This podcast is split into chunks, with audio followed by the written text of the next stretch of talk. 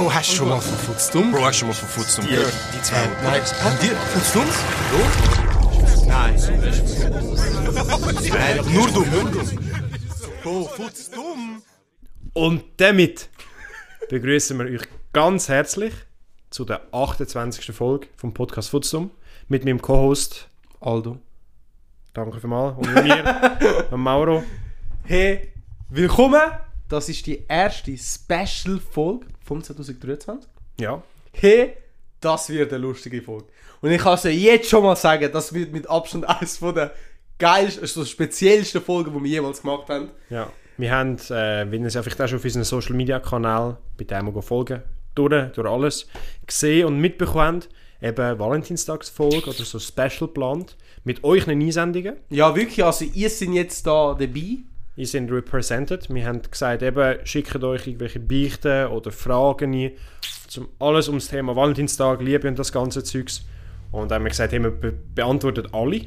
Das, also wir wissen nicht, wie lange das es kann gehen. Es kann, wirklich. Hey, und no joke, guys, das ist eine ganze Big vo voller Fragen. Also, ich habe es jetzt nicht durchgezählt, aber ich habe gemeint, es sind um die 20, 25. Und der Alter, der Alter doch alle müssen abschreiben. Ich habe alle müssen abschreiben, also ich weiß sie schon, Ja, aber der Mauro weiß sie nicht. nein. Aber ich probiere die Reaktion so überzubringen, als ob ich sie nicht wüsste. Einfach faken da. aber äh, ja, äh, nein, ich, ich bin wirklich gehypt und danke an all denen, die halt etwas geschrieben haben. Ja. Äh, und eben, es sind jetzt Beichten. Ich habe es jetzt so, so eingeteilt, es sind entweder Beichten oder äh, Fragen. Ja. Und wir machen es so, ich gebe dir, Mauro, die Hälfte. Fahrt's Ich, mal über. ich mische schnell Ja. ein bisschen noch um. Es ist wirklich crazy, wie das Ganze entstanden ist. Wirklich, Alter. Natürlich, es ist alles anonym, wir wissen actually nicht, wer was geschrieben hat. Äh, Valentinstag wäre jetzt für uns erst morgen. Ja. Also erst, heute ist der 13. für die, die äh, so das Datum wissen, wenn wir das aufnehmen. Ja. Die Folge kommt erst am 19. aus, also ich glaube erst am Sonntag. Erst Also, so, ja, wie normal. Wir Ja, haben halt normal, einen ja, kleinen genau. Clinch gehabt, wir sagen, wir tun es letzte Woche rausbringen. Dann haben wir gesagt, nein, vor Nein. dem Valentinstag, Bringt nichts. ein bisschen lame, danke dir. Dann haben wir gesagt, ja gut, dann machen wir, haben wir gesagt, Nachher. machen wir es nachher. Easy. Okay. Ich bin wirklich gespannt, ich sage dir ehrlich. Wer will, willst du anfangen? Soll ich anfangen? Es gibt ein paar und einfach so zum Klarstellen, ich habe nichts an dieser Frage geändert. Nichts. Ich habe sie so aufgeschrieben, wie ihr sie uns geschrieben habt. Und ich hoffe einfach, du verstehst, was ich geschrieben habe. Nieri, Alter, ich habe jetzt kurz die Frage über, überflogen. Oh mein Gott. Was ist es? Du kannst gerade sagen, Fra Also, ich Frage oder Bier. Das ist ein Beichte, Okay. die ich da habe. Aber wait, wait, wait. Wegen dem Dialekt, eben, darum habe ich das vorher angesprochen. Also wenn es jetzt komisch überwirkt, wie äh, wir es würden aussprechen, es ist wegen dem Dialekt. Nur wegen dem. Ich war euch. Also, aber das macht es lustiger. Easy, Mauro. Ich fange mal an. Das ist eben, wie gesagt, eine Beichte. M19 beichte, dass ich meine Freundin im Club mit ihrer besten Kollegin betrogen habe und sie jetzt beide von mir schwanger sind. Brüder! Ich könnte doch wetten, das ist fake. Da, das ist so. Ich sage es, ich sage es so, ich, ho ich hoffe, dass es fake ist. Weil, Ich hoffe es auch. Ich hoffe es so extrem, dass es fake ist. zum mal ein bisschen drüber ein, auf drauf eingehen. So, erstens, ich glaube, wir sind auch beide glaub, ähnlich. Betrügen ist nicht so nice. Nein, Betrügen ist nicht so. Ah, Nein. Gehört eigentlich nicht dazu. Und nachher, dass sie einfach geschwängert hast. Rudi. Ja, also eben. Würde das stimmen? Hey, du hast, das ist so ein Villain-Arc. So. er hat seine Bösewicht-Story mit dem mit angefangen. Ja. Und nachher wird er der Vater, der die Milch sucht. Boah. Aber doppelt. Vor allem, was mich jetzt Wunder nimmt, Wer wählt er aus? vor allem, ich sage, sie hat geschrieben, beste Kollegin. Oder was er? Oder einfach Kollegin. Äh, Kollegin. Kollegin und. Beste Kollegin und seine Freundin halt. Doch, beste Kollegin. Bro, ich frage mich, was, ob die untereinander nicht sagen, so, ja, ich bin jetzt schwanger, so, ja, von wem? Ja, ich weiß nicht. Bro, was, sowas von Cab, Alter. Ja, nein, also das ist so die einzige, bei der ich mir auch gedacht habe, dass so die ist wahrscheinlich Cap. Bro, ich, ich hoffe es wirklich. Ich hoffe es auch. Ich hoffe es auch. Weil theoretisch. vor allem mit stimmen. 19, Doppelvater, Boah, schon gewonnen hast du im Leben. hey, nicht schlecht. Der hat so einen Headstart. Bro, er hat wirklich, er hat schon das halbe Leben durchgespielt. Ja, was halbe Leben? Drei Viertel. also das ist wirklich, der ist Der vorausgesprungen. ist, er ist ready. Aber, ja, mal schauen. Soll ich weitermachen? ja, komm, hau raus. Was hast du Okay, für das Wünsche? ist eine Beichte und halbwegs Frage. Beides zusammen, easy. Okay. Boah, ich muss das ein bisschen durchlesen. Ich als Jungfrau bin mega neugierig, was Sex anbelangt. Ich höre immer wieder, dass man das erste Mal mit wem haben sollte, wo man wirklich liebt, geschweige sogar erst in der Ehe. Oft kickt halt einfach der Horny und der Gedanke, äh, eine, wo man nicht kennt, einfach mal zu flanken. Wirkt sehr verlockend. Soll ich noch warten oder rein? Boah. Hey, schöne Wortwahl als Ja. erstes. Also ich... Ein Lyriker, den wir da haben, Ein Lyriker, ein Poet. muss man finde so ich. sagen. Nein, ähm. Keine Ahnung, was denkst du? Ich muss Also- ehrlich sagen, ich verstehe seinen Punkt, absolut. Ja, nein, der Punkt ist äh, legitim. Also, Verstehe ist- ich. ich. Ich sehe den Struggle dahinter. Ähm, wie soll ich das angehen? also eben, es ist, das mit dem, mit dem Jungfrau sein, ist ja absolut nichts Schlimmes. An sich nicht, nein. Nein. nein. Ähm, das, was er anspricht, eben so, ob man noch sollte warten oder einfach mit einer das machen. Ich glaube, es hat beides seine Vor- und Nachteile. Oder ich sage, der, der Vor- und Nachteil, ich sage jetzt bei einfach einem, ist einfach so, ja, viele sagen ja, dass es das erste Mal so wirklich in dem Sinne Also glaub, nicht etwas Wichtiges ist, aber so, das bleibt dir echt wie eine Erinnerung. Ja, das auf jeden Fall.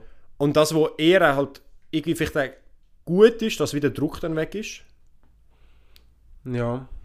Die andere Sache ist eben so, einfach das Wegrühren. Also ich sage jetzt nicht, dass man das hure speziell aufbewahren aus meiner Sicht aus. Aber äh, Also das mit der Ehe, Cap. ja, das, Also das, das, das ist too much, sag ich dir ehrlich. Also ich glaube, du musst auch vorher, eben wenn du in einer Beziehung bist, musst du auch im, im Sexleben können funktionieren, dass es langwierig ja, ja, voll. funktioniert. Und wenn du heiratest und erst nachher checkst, yo, ist echt das- gar das, nicht Das ist gar nicht geil. Stell dir vor, du, du bist mit jemandem zusammen, Mhm. noch nie so intim mit ihm und nachher heiratest und einen Tag später sagt er, er hat einen Fußfetisch. Like, Nur zum sagen, Fußfetisch ist nicht schlimm. Wir tun da kein King-Shaming machen. nein, King aber ich verstehe, was du willst damit sagen. Aber so, es ist so, oder. gewisse Leute so, sind einfach nicht ready, ja. Oder dass er insgeheim ein Furry ist oder so ein Scheiß. Du, du weißt das ja nicht. ja, ja. Weißt du, bist ja nicht intim mit ihm gewesen. Also, ich, meiner Meinung nach, also, wie soll ich das sagen? Es kommt darauf an, wenn du das jetzt von wegen, ja, ich will es einfach durchhaben, damit Mhm. ich es einfach gemacht habe. Ich kann, also ich, ich habe schon mehrere Geschichten gehört, nicht, dass ich sie kenne, die Menschen, Mhm. aber von anderen Kollegen, die Kollegen haben, äh, dass sie wirklich überleiten zu, zu einer Prostituierten gehen und so Scheiß. Mhm. Nein, das auf jeden Fall nicht. Wegen Prostituierten. Das würde ich sicher nicht empfehlen. Ja. Aber ich habe auch schon mehrere so gehört, ja, gang einfach zu der. Wie soll ich das sagen? Dorfmatratze mäßig. Ja, Ja. halt wirklich. Geh zu der so Schulho, aber nicht zu der bösen Schulho. Geh zu der netten Schulho. Wo, wo dich herzig findet, dass du so bist. Verstehe Und sie es aus Herzen macht. Also Ja. weißt ich, ich, ich glaube eher etwas in Amerika. also, Ja, also ich glaube in der Schweiz, also ich habe jetzt in der Sek und so oder später nicht wirklich so jemand. Nein, das ich. Kader Also bei uns kennt. jetzt gerade nicht wirklich. Aber wie man heutzutage die Generation kennt, also jeder früher. Ja, das also ist das wirklich crazy. ist die, die arbeiten, also Props an euch, aber ich will nicht Vater werden mit 13. Also... ja, Ja, ja, nein, Also ey. es ist schon... Es ist, es ist, es ist glaube ich, zu viel Verantwortung für zu früh. Ja, auf jeden Fall. Bist Ja. du in der vierten Klasse, dort noch am Umspielen und so Scheiße und machst da Faxen. Nein, sicher nicht. Aber ich... Ich würde empfehlen, einfach warten. Schon. Eigentlich. Ich würde empfehlen, einfach warten, weil... Es sind die, ich sag mal so, Erwartungen von anderen Menschen, die dich zu dem Druck führen. Das ist ja so. Weil, wenn du sagst, ich habe kein Problem damit, dann ist es auch kein Problem. Aber die Erwartungen und die heutige Society, Ja, nein. Society von, ich sag mal so, den jugendlichen Menschen, eben Jugendlichen, äh, bringt dich dazu, so, ja, nein, du musst das erste Mal so äh, vor 18 oder eben äh, 16 erst, Mhm. Ja, ja. also weißt und eben, es wird ja immer früher schon halbwegs. Aber ich also, glaube, die Schere wird grösser, ja, denke ich. Es gibt viel mehr, wo viel, viel früher das erste Mal hat und, und es gibt viel mehr, wo viel später. wo viel, viel später Aber. Ich habe mal so eine Studie gesehen, glaube ich mal. Ich weiß nicht. Doch, ich habe ja mal einen Vortrag über das gehabt. Genau das eigentlich. Mhm. Also nicht über Sex, aber so über das Internet, wie es Jugendliche, äh, wie soll ich sagen, nicht verstört, aber eigentlich hure negativ auf Jugendliche ist. Ja. Von wegen, dass eben mega viele Raten, also Raten von wegen Suizidraten, Mhm. Wie früher man Sex hat, einfach all explodiert, explodiert sind. Von wegen eben, viel mehr äh, bringen sich selber um, Ja. viel mehr haben einfach nicht einmal einen intimen Touch bis wer weiß wie alt. Mhm. Und das eigentlich nur hauptsächlich wegen dem Internet, weil einfach alle eben so Konkurrenz haben, nur das Beste wollen und sich immer sehen. Weil früher, wenn du so Zahlen von früher siehst, sind es viel kleiner gewesen. Ja. So die Generation von unseren Eltern oder Ja, dort ist- dort ist Also dort hast du einfach probiert, so schnell wie möglich jetzt Familie bekommen, damit du einfach stabil bist im Leben. Ja. Also, Dass auch etwas erreicht hast. Ja, eben, ist ja, genau. Viel größeres Statussymbol ja, ja, voll. als heutzutage, das stimmt. Und heutzutage brauchst du das halt nicht. Also, Ja. Aber zurück zu der Aussage, die du gesagt hast, wegen der Dorfmatratze. ich finde es ein bisschen, äh, viel- vielleicht ein bisschen heavy. Weißt du warum? also wie meinst du, Heavy? Ich tue es jetzt so vergleichen, wie mit einer Droge. Bro, wenn du die Droge noch nie gehabt hast, kannst du nicht abhängig davon werden. Aber stell dir vor, du hast jetzt einmal mit irgendeiner einfach so Bums, Ja. eben von der Schule, was auch immer, und dann ist ja der Drang nach noch mehr viel Ja. grösser. Ich kenne jemanden, wirklich persönlich, Mhm. wo das erste Mal so halbwegs bei einer hat, wo, ich sag mal so, über ihrem Ex hat hinwegkommen, Ja. wo so vor ein paar Monaten Schluss gemacht hat. Mhm. Es ist hure schnell gekommen, da, da, da, da, und nachher sind sie nicht einmal zusammengekommen, sie sind nicht zusammen gewesen, haben es äh, gefummelt und ähm, nachher hat sie nicht wollen in einer Beziehung und hat aufgehört und er ist so voll in Depression gekommen. Ja. Und ich, ja, ich, eben, das ist schon recht heavy. Es geht in beide und äh, ich meine, das ist mal nur auf Frauen oder eben nur Nein, es ist auf es alle ist, es bezogen. ist genau, es ist, komplett- ja umgekehrt. ja, so, ja, würde eben, eben. Also ich meine, das nur, nicht nur, weil es ein Kollege ist von mir, dass es nur Frau ist. Nein, nein. Nein. Aber eben, also es ist schon, Es geht sehr in beide Richtungen. Ja. es geht wirklich sehr in beiden Richtungen. Ja, aber ich, ich persönlich will warten. Ich würde jetzt du hast wirklich so voll den Drang und Horniness ist so... Keine Ahnung. Ja. also, Aber ich glaube, dann hat er ein anderes Problem, wenn wirklich seine Ja. Horniness so hoch ja, ist, würde ich jetzt sagen. Also, unser, unser Tipp vom Footstorm, draussen bleiben. Hey, schau, das ist einfach allgemein so ein Tipp. Oder so, denkt an die, die noch Jungfrau sind, so, ich, ihr könnt nicht Väter werden oder Mütter. Nein, nein, Ja, ja, nein, ich im mein, Guten, aber ich ja, meine ja. so, im Guten, so von wegen, dass ihr nicht mit 20 könnt älter werden. Ja, dass das ihr ist das eigentlich Leben nicht gut. so könnt ficken wie andere. Ja, weil es gibt andere, eben die, die mit 16 schon anfangen, die dann auf einmal mit 19 ist Vater sind oder Mutter, Oder abtreiben und das ist dann auch nicht geil ist für auch beide. grad, ja, ist auf jeden Fall nicht geil gerade für beide. Darum, es ist so verpassen, du hast das ganze Leben, also wenn du ein paar Jahre später anfängst, macht es Juckt. Keinen Unterschied. Nein. Und ich habe gemeint, für Frauen, der beste Sex kommt mit der 30. Oh shit. Habe ich gemeint. Aber Halbwissen vom Alter. Also eben, ich würde auch sagen, so die, wirklich die, die aktivste Zeit wird so, ich sag Mitte 40. 20. ja, Ja. ja. je nachdem halt, wie, ob du Kinder hast oder nicht. Ich denke, wenn du Ja, Kinder hast, ist ja, dann auch wieder schon wieder schwieriger. anders, ja, Aber ich denke, so wirklich so die aktivste Zeit wird so ab so 20 bis, ich sag so Anfangs 30 würde ich sagen. Ja, denke ich, ja. Wo du so wirklich erwachsen bist und äh, Ja, das Zeug im Griff weiter hast. schaust du eher, mit wem du schnell, ja. ja. Mal schauen, ja. Fix. Fix, fix. Jetzt, nächste Frage von Mauro. Oder Beichten. Oh, nein, Alter. Ich habe eine Frage. Oh, okay. Ich will sie gerade mal rausfetzen. Frage. Weiblich 20. Ist eine Freundschaft zwischen Männern und Frauen möglich? Oh, das ist eine gute Frage. In Klammern vielleicht ein bisschen too deep, aber äh, deep, aber beschäftigt mich voll. Lol. Lol. Ähm, ich glaube, wir werden unterschiedliche Meinungen haben Ähm, zu dem. Ja, kommt drauf an, was du sagst. Also, Ja, true, guter Punkt. das darfst du dir gerne das Wort anfangen. Ich finde, jein. Finde ich. Mhm.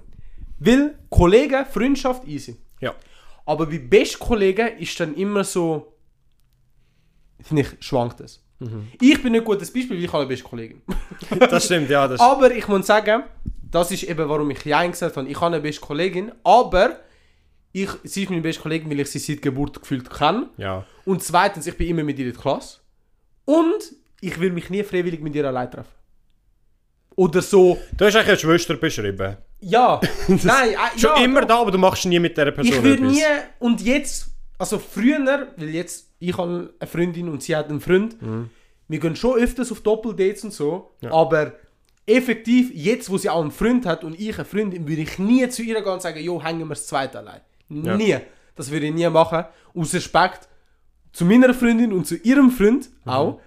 Aber eben, es ist so, ja, weil eben, an sich sind wir immer noch beste Kollegen. Ich hätte jetzt kein Problem, weißt würde mir jetzt zweite sein. Also ich weiß, also es würde nicht passieren, Logisch, weißt ja. Aber vom Prinzip her finde ich schon, ist es eher, weil ich kann auch verstehen, wenn gewisse ein Problem mit dem hätten. Ja. Ich kann es vollkommen verstehen.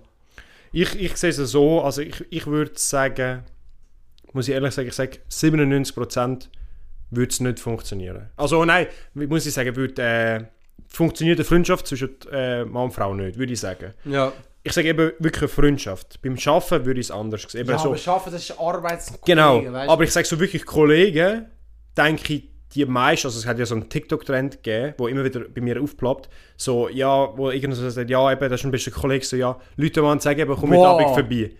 Bro, Jeder Typ.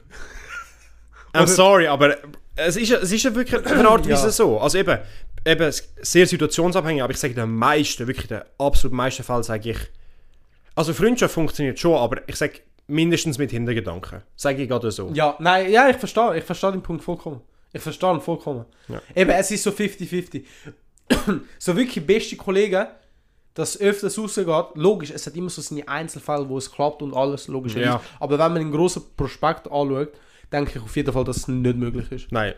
Sogar meine Eltern, mein Vater hat mir immer gesagt, ja, im späteren Leben, ähm, du kannst nicht einfach sagen zu deinen Kindern, ja, ich gehe mit meiner Kollegin, bist Kollegin go hängen. Also es ist schon auch, also logisch kannst du das sagen, aber es ist immer noch so Ich verstehe, wa- was... komisch. was- Also ja, ja. ich stelle mir das eben so in 20 Jahren vor, wäre schon eben, keine Ahnung. Ja.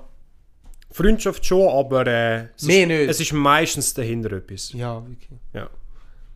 Und wenn es jetzt, also aber da müssen wir jetzt auch so abmachen, so, wenn es jetzt so in einer Gruppe ist. Aber dann Zum Beispiel, wir sind ja auch in einer Gruppe Logisch. und es hat auch ein paar Frauen. Ja. Aber das ist nicht das Gleiche. Also, Nein, Wir, wir aber das sind- immer noch als das ist- Kolleginnen. logisch, aber das ist nicht jemand, eben, wie du gesagt hast, das sind nicht Personen, wo du würdest eins zu eins rausgehen. Ja, genau. Ja, genau. Ja, voll. Also ich würde jetzt nicht mit den, mit den Kolleginnen, die wir jetzt im Freundeskreis haben, einfach, Einfach sagen, so, so, ja, gehen wir eins zu eins raus.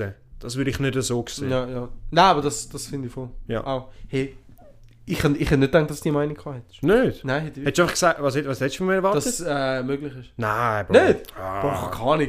Eben in den meisten Fall fix nicht, Alter. Ja, ja. Oh, Oh, oh, oh. Beichten. Oh, ja, komm. Okay, nächstes. Männlich 17. Mhm. Sie hat über WhatsApp mit mir Schluss gemacht. Und blockt. Wack. Schon mal, schon mal wack. Was kann ich machen? Ich habe eben noch Gefühl für sie. Nein! Bro, der arme Bruder. Oh, das ist nochmal ein Villain-Arc, wo anfängt. Gang ins Gym, Boah, ja! Geh ins Gym, nimm deine Männlichkeit raus. mach, mach dich einfach richtig, also du richtig in dich selber investen. Weil, sie zurückkommen, mit zurückgewinnen funktioniert fix nicht. Also, wenn sie schon mal, oder allgemein, so als Tipp, so in einer Beziehung, wenn es mal nicht klappt und es zum Schluss mal kommt, probiere es nicht nochmal. Es hat einen Grund gehabt, hat- das so weit ja, ist. Es hat einen Grund, warum ihr Schluss gemacht habt oder warum es zu dem Punkt ist. Why the fuck denkt ihr, dass es ein anderer Mensch ist? Ja. Am Anfang hat er sich verändert. Das bringt wirklich nichts. Also das Arsch, Einzige, was du in dieser Situation wirklich kannst machen kannst, sie jealous machen. Einfach das Beste aus dir machen. Ja, aber das Also- ist auch wieder so toxisch. Aber logisch, aber, aber ha- es kommt, es kommt halt darauf an, was du machst. Wenn du jetzt auch mit, mit, mit deinen Freundinnen schlafst, logisch. Das kannst du nicht bringen. Aber wenn du dich wirklich einfach in dich selber investierst, sehe ja, ich es nicht so. ja, nein, das ist gut. Nein, nein, das finde ich auch. Ich persönlich, ich bin so der Meinung, Block. Wenn du merkst, logisch, du hast noch Gefühl, aber desto schneller du sie weg von dir hast, desto besser ist für dich. Ja. Du Weil schadest sie- dir selber mehr, wenn du die ganze Zeit drüber real, nachdenkst. sie, sie hat es gemacht und fühlt sich gut. Du bist da der, der leidet. Ja. Darum, hey, King, wirklich, hol deine Krone wieder. also, ja, ich verstehe Nein, es. also, ist, ja. Also ich sehe es gleich. Also Es ist- wirklich ja, es etwas, etwas machen kannst du nicht. Also eben mit ihr irgendwie sie anders versuchen zu kontaktieren, das Du, bringt du nichts. merkst einfach, dass sie Bitch ist. Also wirklich. Wenn, Okay, das- nur schon blo ja, aber nur schon blocken Ja, also das, was ich wirklich weg finde via- über WhatsApp. über WhatsApp, wenn über Snapchat. Vor allem 17. Bro, mit, Mit 14, 15, 16, hey, okay. Aber mit fucking doch. 17, fast 18, Alter. Da, da so. hast du eigentlich schon den, den Verstand dazu, zum normal mit jemandem so gerecht Schluss machen. Da merkt man auf welchem Level, dass sie sich befindet. Ja, for real, so. Alter. Ja, for real. Würde ich jetzt sagen. Hey, nein, ja, das beschreibst du gut, finde ich. Machst du weiter? Ja, ja. Mach mal Ich weiter. ich denke es jetzt schon, ja. Ja. Hey, aber wir werden da noch lang sein, habe ich das Gefühl. Oh nein. Bro, ich muss... Wenn du es nicht lesen kannst, kannst du es mir geben. Ich, ich tue es jetzt mal lesen, so wie ich es verstehe. Und dann müsst ihr... ist das lang? Sag mal schnell. Nein, es ist sehr, sehr kurz. Es ist Ah. eine Beichte. Ah! Schon öfters am... schon... Mach kurz, mach kurz. Wie das formuliert ist, killt mich. Schon öfters der Bag fummelt, Komma, ich wird glaub gay. Das, wo mich mich fragt, was ist mit der Bag? Gemeint. Das ist so eine gute Frage. Verstehst du, was mit Bag Nein, gemeint ich ist? nicht. Ich verstehe es so nicht. Öfters der Bag fummelt. Ist das Ich auf dem Eier? Ich wird glaub gay. Der Bag, ist das schon... Bedeutet das, dass du schon... Ich, Ist das ich, männlich? Ist das männlich? Nein, es Oder steht gar nicht? nicht. Es Nicht? steht gar nicht. Darum, also mit gay würde ich eher sagen männlich. Denke ich auch eher. Ja, Logisch, man kann's auch- beides, ja. beides ja beziehen. Aber mit der Bag fummelt. Doch, doch, das ist ein Mann. Das ist ein Mann, Bro. Aber ich frage mich, was so. mit Bag gemeint also wenn, also wenn das mit der Eier gemeint ist. Nein, nein, weißt du, was ich denke? Mhm. Der Bag ist so öfters der Bag fummelt. Also, du- dass du schon. Zum Beispiel, Berg? wenn. Nein, nein, Berg? Bag, Bag, Bag. Zum Beispiel, wenn du in einer Gruppe bist mit nur den Boys, gibt es immer so einen, der so rumfummelt. Checkst so, so auf Gay-Licht tut. Oh. Und ich glaube, er meint, dass er schon öfters den Bag rumgefummelt. Weißt ich bin schon öfters so auf, am Gay tun oder so Gedanken haben, dass er vielleicht gay ist, dass er Ja. jetzt. Checkst Okay. Nicht, also das macht. Das, Ja, ja, also es macht irgendwie... Ja, es der ist einfach- Wortschatz, hey top. Es Die ist- heutige es ist- Generation. Es ist liebe ich. wirklich... Wirklich. Stay, stay toxisch. Wir wir müssen sagen, dass sie einfach auch für, uns verständlich machen. Einfach so. Einmal noch hochdeutsche es Variante. Hat eine, es hat eine, die, ich weiß nicht, wer sie von uns Ja. meinen, hey, die ist top. Alter. Wie sie auch nur schon geschrieben ist, aber die ist lang. Schon, die ist okay. wirklich lang. Okay. Soll ich weitermachen? Ja, Bro, wir noch... fr- Willst du noch etwas dazu sagen? Nein, So? nein, easy. Nein, ich sag das einfach so. Probier mal aus. Von wem nimmst du die Meinung besser an? Von dem, der schon mal Brokkoli probiert hat und er sagt, er hat es nicht gern? Oder der, der noch nie Brokkoli probiert hat und sagt, er hat es nicht gern? Boah! Überlegt mal. Hey, Das ist vielleicht ein Denkstoß an dich. das ist wirklich... An alle. An alle. Ja. Bro, ich habe das, das Wortspiel habe ich mal gehört von einem und ich finde es einfach so geil. Das ist aber wirklich gut eigentlich. Also vom, vom Prinzip her macht Sinn. Easy. Da, die ist bitter, die ist auch Oh. easy bitter. Oh. Das ist auch eine Beichte. Wait, ich muss ich muss gut aussprechen. muss sich, er muss Ich parat muss, ja, wirklich. ah, hey, sorry, Alter, dass ich huste. Boah. Männlich 17. An meinem 16. Geburtstag habe ich einen Snap von meiner Ex bekommen. Wie sie mit einem anderen Typ ummacht. Beim zweiten Snap steht nur Happy Birthday drauf. Ja. Äh, Jetzt, warte, ich habe etwas zum Sagen. Er ist 17, aber an meinem 16. Geburtstag. dem Brüder, äh, wie sagt man, also bleibt das sehr hängen. Er ist geschädigt davon. Das ist auch ein Villain Bro, ich muss dir wirklich sagen, äh, sie will ich nur jealous machen. Und so wie es aussieht, hat es funktioniert für ein fucking Jahr, Bro. Du musst, äh, For real, doch, ja, hast recht. Wann nicht mehr? du musst für so Sachen, logisch, es gibt so Momente, wo dich immer wieder zurückholen. Aber vor allem so etwas, das musst du irgendwie können verarbeiten. Es ist wirklich, Bro, wenn, der Alter, arme das ist schon Bruder. easy heavy. Also wenn das jetzt wirklich stimmt, was, was der Typ jetzt geschrieben hat. Ja. Alter, mit 17, nein, mit 16 bin ich, mit- bin ich noch mit Lego am Spielen gewesen, Bro. Bro, also, Bro, was... ja, so, Oh, ne, ja, ja. weißt Doch, doch. Bro, das ist ein anderes Niveau. Der ist mit Frauen am Spielen und die Frau spielt dann mit ihm um, weißt du? Oh, vor allem weißt du, wie heavy, Alter. Einfach am Birthday kriegst du es, also logisch, das ist alles blank gewesen, aber auch so der erste so, wie sie mit jemandem macht, nachher einfach so stumpf. Happy Birthday. Hey, schau, wenn das wirklich stimmt. Hey, Gott segne dich. Wirklich. Du musst irgendetwas machen, um das zu verarbeiten. mach's Gleiche. An ihrem nächsten Geburtstag. An ihrem nächsten Geburtstag. Ein Fixi. Bumscheine. Bro. Und, ja, nicht. Fixi mental, Also ja. du tust einfach toppen. Wenn, mach's, mach's mit der besten Kollegin. wenn sie top... ich sag dir, die Folge wird so heavy, Alter. Alter, ich hab so warm. ja. Bro, äh, was soll ich wieder sagen? Ähm, wenn, wenn sie schon toxisch ist, stay toxisch. ja. also wenn, dann bleibst du toxisch. Ja, es ist ein bisschen, ein bisschen für Ja. mich für bekämpfen, aber in dieser Situation Ja, verstehe ich doch, in dieser. Situation musst es Also wirklich. das ist anders schlimm. Also sorry, wie das jemand bei mir droppen. Bro, wirklich. Stell mir das Der nicht arme. Brüder, Alter. Nachher heult er so. Er freut sich so auf einen Snap und Da das bekommt er einfach. ist froh, dass er mal Bier drauf trinken Und dann kommt er einfach. Wie seine Ex mit jemandem ummacht und ihm das schickt. Und nachher, Happy Birthday. so, so auf noch auf nett, weißt du? So. so als ob sie es vergessen hätte. Ach so. Ah, ey. Jetzt, So, ich jetzt ich- das Ich habe den Kuchen jetzt gar gesehen bis Snapchat. Ah, noch Happy Birthday. Bro, nein. Mich wundert es aber, wie lang die Beziehung ist. Weil eben, die sind 16 und no joke, so 16 Beziehungen. Nicht wirklich etwas. Oder theoretisch bedeutet das, dass vorher schon, also mit 15 Etwas in einer ja, ja. Beziehung war. Wie gesagt, mit 15 bin ich Lego am Spielen. Gewesen. Also, Wir haben da nur einen Hustler als, als Zuhörer. um meine Minecraft-Welt mit 15 Peak. Peak gewesen, wirklich. Hey. ja, nein, aber äh, Ähm, ja.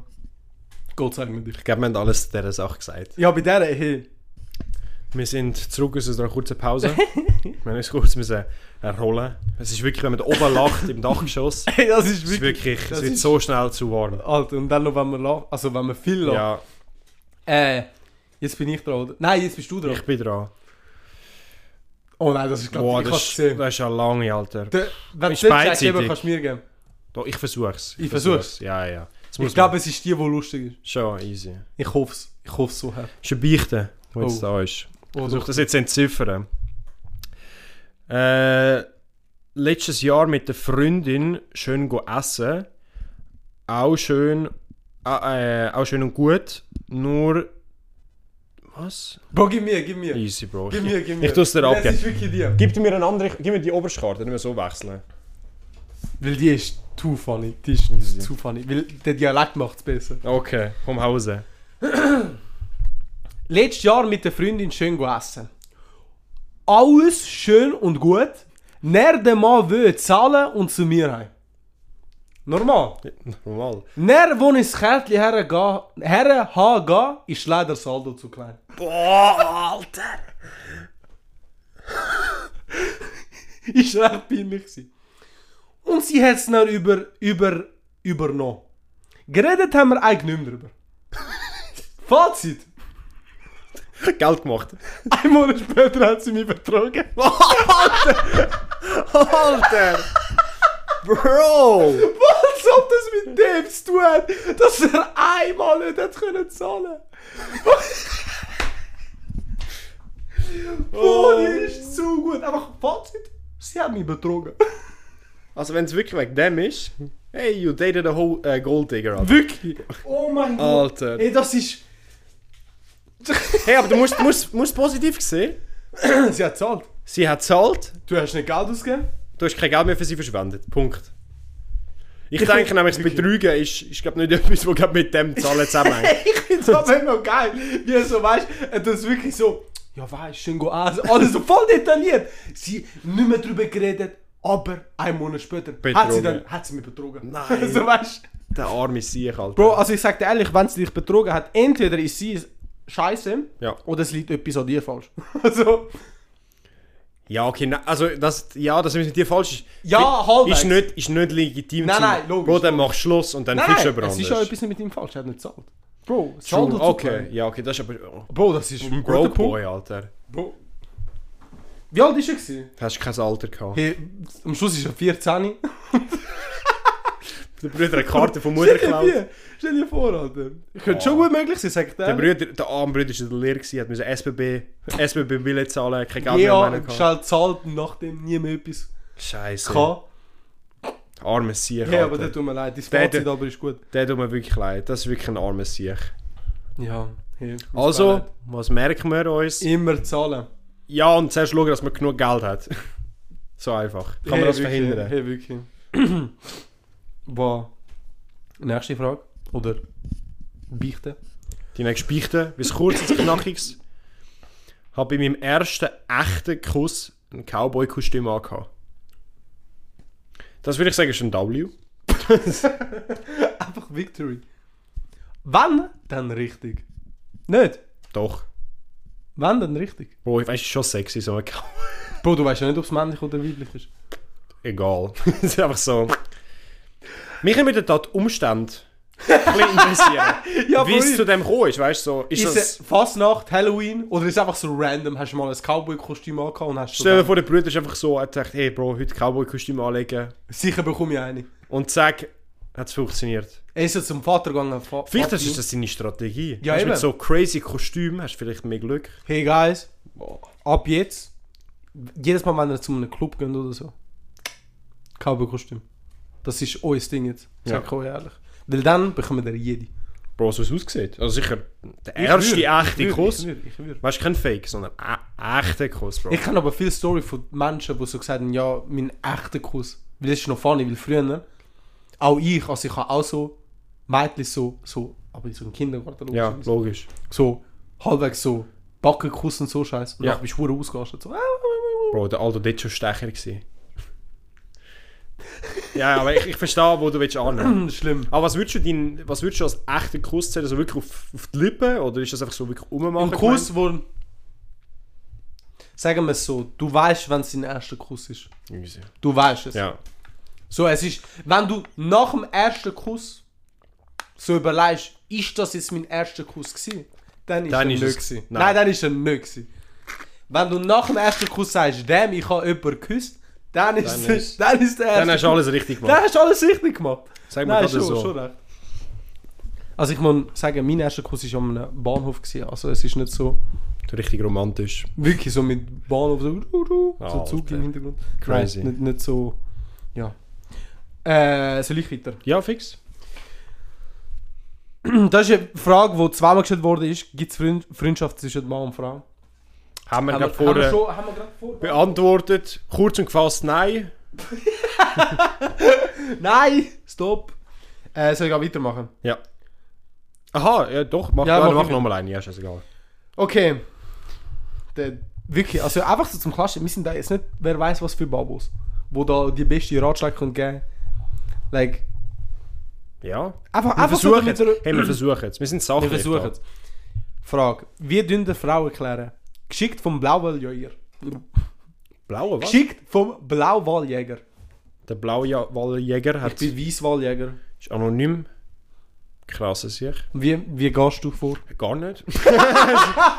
so einfach. Bei mir ist wirklich Ruhe. Ist einfach Ruhe. Kann man nicht viel dagegen sagen.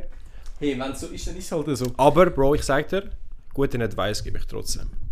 Hey, der, der, am- der, nichts am Laufen hat, hat immer den besten Advice. Das ist wirklich so. Es geht in die Richtung. Und Bro, ich, ich muss sagen, ich habe eine, eine History. Und bis jetzt habe ich eine gute Trefferquote. Bei denen, die ich cool fand Schon? und ich nachher recht kann. Ja. oh, Es ist genau so passiert, wie ich es gedacht habe. Oh, okay, okay. Easy. Darum, äh, ich, kann, ich rede aus Erfahrung. Aber ehrlich gesagt, wieso so Leute ansprichst, das ist mein Teil, wo ich keinen fucking Input kann geben kann. Schon? Ja. Nicht. Sonst, äh, weißt du, was du, so, was du sonst kannst machen, Für eine easy. Beziehung dann easy. Frag mich alles. Aber Bro, wie du dort ankommst, Bro, ich bin selber am strugglen. Also, Nein, bei mir, also... also deine beiden Erfahrungen sind ja... Also ich weiß nicht, wie willst du da drauf weit eingehen, aber ich sage so, es hat ja nicht wirklich sehr, sehr viel Input von dir gebraucht. Von dem, was ich jetzt im Kopf kann zurück überlegen. Oder, oder Kann ich fragen? Ja. Bei meiner ähm, ersten, ja. ist das etwas, was du vorher gesagt hast? Nein, dort habe ich, Nicht? nein, dort haben wir ja nicht wirklich viel Kontakt gehabt. Aber dort hat es gerade angefangen. Ja, true. Gerade straight so Doch. einen Monat, zwei vorher. Ja, doch, also wir haben ja auch ein bisschen drüber geredet. Nein, ich mag, vor. ich ja, mag mich noch erinnern. dir. Ich mag, mich, ich mag mich noch erinnern, wo wir fucking vom Gubel am Ablaufen waren. Der hure Bergweg. Wo?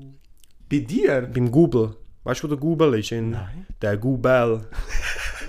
äh, ja, was soll ich sagen? Ähm, Ja, aber was ist jetzt dann bei dem Google? Ja, ich mag mich einfach, ich mag mich das bildlich erinnern, wenn wir die Ste Stege runtergehen und eigentlich genau dort auch so fangen zu reden, so wie es dort geht, beziehungsmäßig und dies, das. Oh, schlimm, schlimm. Aber ich habe jetzt nicht mal das auf das bezogen, sondern mehr jetzt deine jetzige Beziehung, von dem, was ich mitbekomme, logisch, ich habe auch nicht alles Ja, mitbekommen. logisch, logisch. Aber äh, dort äh, hat der Aldo, glaube ich, nicht viel müssen machen Es geht. Also. bei meiner jetzigen Beziehung mit meiner Freundin. Wir haben November, Mitte November angefangen zu schreiben. Ja. Anfangs Aber du musst es so sagen, wie es überhaupt dazu gekommen ist. Weil du hast- Ja, okay, du hast einen- kommt's. Doch, doch. Das, doch, was ich will ansprechen, hat Aldo einen fetten Wingman gehabt. Ich habe einen fetten Wingman, gehabt, eben meine beste Kollegin von vorher. Ja. Weil sie ist mit ihr in der Schule und logischerweise, okay, dann, dann, ja. Aber man, man muss auch wirklich sagen, also wenn man äh, jemanden will ansprechen, also nein, sagen wir es so, wenn du in einer Beziehung willst gehen, so wirklich effektiv, du willst mit jemandem zusammenkommen oder Menschen ansprechen, dann musst du es halbwegs initiieren. Ja. Finde ich, als Mann, halbwegs. Nicht, weil ich finde, oh, der Mann muss es machen, weil er Männlichkeit muss sagen. Weil es sonst halb, hauptsächlich nicht geht. Ja. Einfach so. Sehe ich gleich. Zu, ich sag mal so, 90% geht es sonst nicht. Ja. Straight nicht. Das, was ich auch würde sagen, wenn, wenn du wirklich in dieser Zeit bist, wo du schreibst, Bro, ich glaube, du kannst nicht wirklich viel, also logisch, du kannst Sachen falsch machen. Aber ich denke, es ist so, entweder ist so in dem Sinne Vorplan, dass es klappt oder es das Ja, nicht du, geht. du, man merkt recht schnell, ob es klappt oder nicht klappt. Ja. Finde ich jetzt. Also, und spätestens beim ersten Treffen merkst du, dann, okay, ja, ist, Ob das etwas ist, wo... es ist jetzt so, wie ich es mir vorgestellt habe oder gar nicht. ja. Also spätestens dann sollte das checken. Und wenn es bis dann noch nicht wissen, dann sind die das Problem. Finde ich. Also dann, dann passt es einfach nicht. dann passt es nicht. Und, Ja. Aber ich kenne eben auch solche, die dann so immer wieder, oh nein, ich muss schauen. Und nachher kommen sie nie zu einer Beziehung oder irgendetwas mehr. ja, aber daten die ganze Zeit. Also daten. Aber es sind immer so, ah ja, ich weiß nicht, aber er ist nicht und dies. Also entweder bleibst oder bleibst nicht. Fertig. ja. Und eben, ich glaube, wenn es funktioniert, dann, dann ist es auch eher schnell klar, dass etwas daraus wird. Nicht das Ja, ganze ja, auf Hin und jeden. Fall. Aber ich gebe, also als Tipp, der Club ist nicht gut. Als Menschen klären. Sag ich dir gerade ehrlich. Ich glaube, mit hast du mehr Glück, One einfach eine, ja, eine Flanke. Also wenn ein One-Night-Stand, aber ich sag dir, so wie es ist, wenn du das als erstes machst, also ich würde lieber so als Empfehlung zuerst in einer Beziehung sein und nachher wollen so Sachen machen, Ja. Mhm. anstatt dass du zuerst rumfickst und nachher erst, also keine Ahnung, macht das Sinn? Keine Ahnung. Ich weiss weiß voll nicht. Ich, kann, ich, kann, ich, ich weiß Ich nicht, weiss wie, wirklich welche nicht. Richtung das es geht. Das, was ich auch will ansprechen, eben so Dating-Apps. Ja. Haltest du etwas von dem? Ich finde es gut eigentlich. Ich finde es echt gut. Weil ich kenne ich kenn beides. Ich kenne gewisse Leute, die dort wirklich Leute gefunden haben. Und gewisse, die einfach das brauchen, eben zum auch in dem Sinne einfach rumficken. Ich glaube, auf Dating-Apps musst du einfach klarstellen, was du willst. Ja. Weil wenn du schreibst, so, jo, ich will eigentlich nur so Spaß haben, halbwegs, wirst du auf jeden Fall Menschen finden, honestly. ja. Aber ich glaube auch aufs andere, wenn du sagst, du suchst etwas, etwas Festes, ja, etwas ja, Ernstes und so. Also ich finde es ich find's gut, wenn man so Dating-Apps und so benutzt. Weil eben heutzutage, wenn du in den Ausgang gehst, sage ich mal so, hast du hauptsächlich die falschen Menschen. Ja. Außer du bist auch der Typ dazu. Aber ich habe das Gefühl, dass bei Dating-Apps das auch sehr kann sein weil es gibt, also von dem, was ich Mhm. schon gehört habe im Freundeskreis und das Ganze, ähm, gibt es auch viel, also ich sage jetzt eher, logisch, es gibt bei den Männern das auch, ich höre es mehr von den Frauen, dass viele das brauchen, um so Validation zu bekommen. Ja, verstehe ich. Ja, voll, verstehe ich voll und ganz. Darum, Nein, äh, nein, ja. was dort ist, fahr mehrgleisig.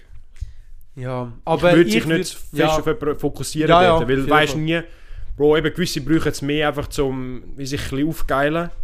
So, ich bin der und der, so viel schreiben mir. Ja. Also ich muss auch wirklich zugeben, bevor ich so jemals eine Freundin hatte, habe ich noch nie als Typ das Kompliment bekommen. Von einer Frau. Ja. Und ich glaube, wir sind auf jeden Fall nicht die Einzigen. Also es sind wirklich viele. Ich kann viele all meine männlichen Kollegen sagen das. Ja, Also- also, wirklich, und also ich habe auch, als Mann kriegst du wenig, aber die, wo, die effektiven Genuine, die du bekommst, die bleiben. Also ich habe wirklich so zwei, Alter. drei, wo ich kann Ja. abrufen und Ja, ja. genau wenn das passiert ist und in welchen Umständen, einfach weil, weil so selten ist in dem Für Sinn, Mann, das ist extrem selten. dass du dir das so einprägst, das finde ich krass. äh, vor ein paar Monaten, als ich im UK war, Mhm. äh, hat eine Kollegin dort mir so gesagt, so, boah, dein Musikgeschmack ist hure geil eigentlich. Mhm. Von wegen, weil ich dort gerade Musik am Laufen war und nachher habe ich irgend so ein random Lied da, wo hure scheiße ist, aber extra. Ja. Und sie hat gesagt, nein, dein Musikgeschmack ist eigentlich hure geil, bis du das Lied hergetan hast. Und das ist mir hure geblieben, so, ja. Noch nie hat mir jemand gesagt, dass ich einen geilen Musikgeschmack Also, Ja. logischerweise meine Freundin schon und so. Und alles. Aber äh, so Aber so genuine- random, ja. so äh, Frauen. Aber es gibt doch, es hat auch, ich auf TikTok habe ich schon so Videos gesehen, so, wenn du so in der dritten Klasse von einer gesagt bekommst, deine Frisur ist schön und auch Ab seitdem dem? die gleiche Nur Frisur die hast. Frisur hast? Ja. Ja, Aber das ist wirklich so. Als Typ ist es wirklich so. Ich glaube, als Frau ist es sehr, sehr umgekehrt, dass dort äh, wie ein Zu Kompliment... viel Kompliment und die, genau. die spezielle sind, die bleiben eher. Ich denke sogar eben nicht. Ich denke, sie werden wie so alle ein bisschen ausgewaschen. Schon, ja, keine Ahnung. Ich kann es nicht Also sagen. wenn ihr eine Frau sind und jemand wollt, also ein Typ wollt, so für, für euch gehen lassen, hey, einfach das Kompliment machen. und zwar ein genuine Kompliment. So nicht auch so, genuine und nicht so basic. nein, so. sondern wirklich etwas, wo, wo wirklich, ich sag blöd gesagt, auf ihn bezogen ist. ja, Das ist wirklich so. Oh, das bleibt ihm. Das bleibt ihm wirklich, das bleibt ihm wirklich. Aber braucht das im guten Sinn. Fickt ihn nicht. ja, ficken ihn Fickt wirklich. ihn nicht. Machen nicht wie der, der nachher am 16. Geburtstag einen Snap bekommen hat. Nein. So, hey, der, der hat es bereut. Der, Der- hat's der hat's wirklich bereut, der Der hat es bereut, ja. dass er äh, Ja gesagt hat. Äh, darum, ja. Ja. Ah Mann, hey. Armes Sieg. Hey, aber nein, sonst aber wirklich so Ratschlag. Es kommt wie es kommt. Also wenn ihr ehrlich, wenn ihr wisst, was ihr wollt, Ja. Findet ihr schneller, anstatt dass ihr einfach rumfickt. Also nicht rumficken, ficken, aber einfach rumschaut. Ja, logisch. Weil wenn du so die Linie kannst setzen, okay, nein, ich will, ich will nicht eine, die so ist oder so. Logisch ist das recht auch mega viel gesehen, das als schlecht, wenn du dich so einschränkst oder so eine Liste hast von Sachen, die du willst. Aber ich finde es noch gut, weil dann, du weißt, was du willst. Ja. Die, es kommt darauf an, halt, wie die Liste ist, weil wenn so harter Shit drauf ist, Ja, logisch, easy, aber verstehe ich, dass es ein bisschen heavy ist. Ich verstehe es, aber es geht in die Richtung eben so, du hast ja Präferenzen. Ja.